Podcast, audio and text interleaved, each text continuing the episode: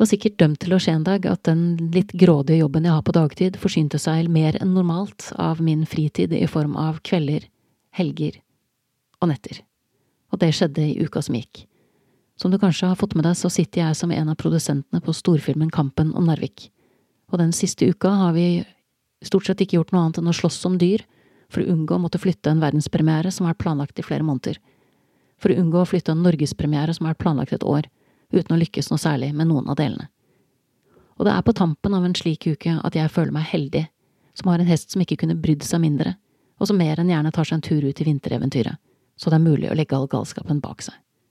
Jeg skal prøve å huske å legge ut et klipp på hjemmesiden min i løpet av uka, for å vise hvordan den nevnte hesten ser ut i fri dressur når han har stått en uke og lurt på hvor all verden det blir av meg.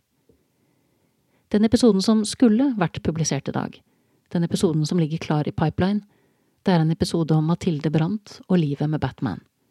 Det er en modig episode, som krever mer plass enn min travle hverdag har hatt å tilby siden sist. Og fremfor å ta snarveier, eller forsere noe, så har jeg valgt å gi denne episoden det rommet den trenger, og fortjener, og jeg kommer til å publisere den neste mandag isteden.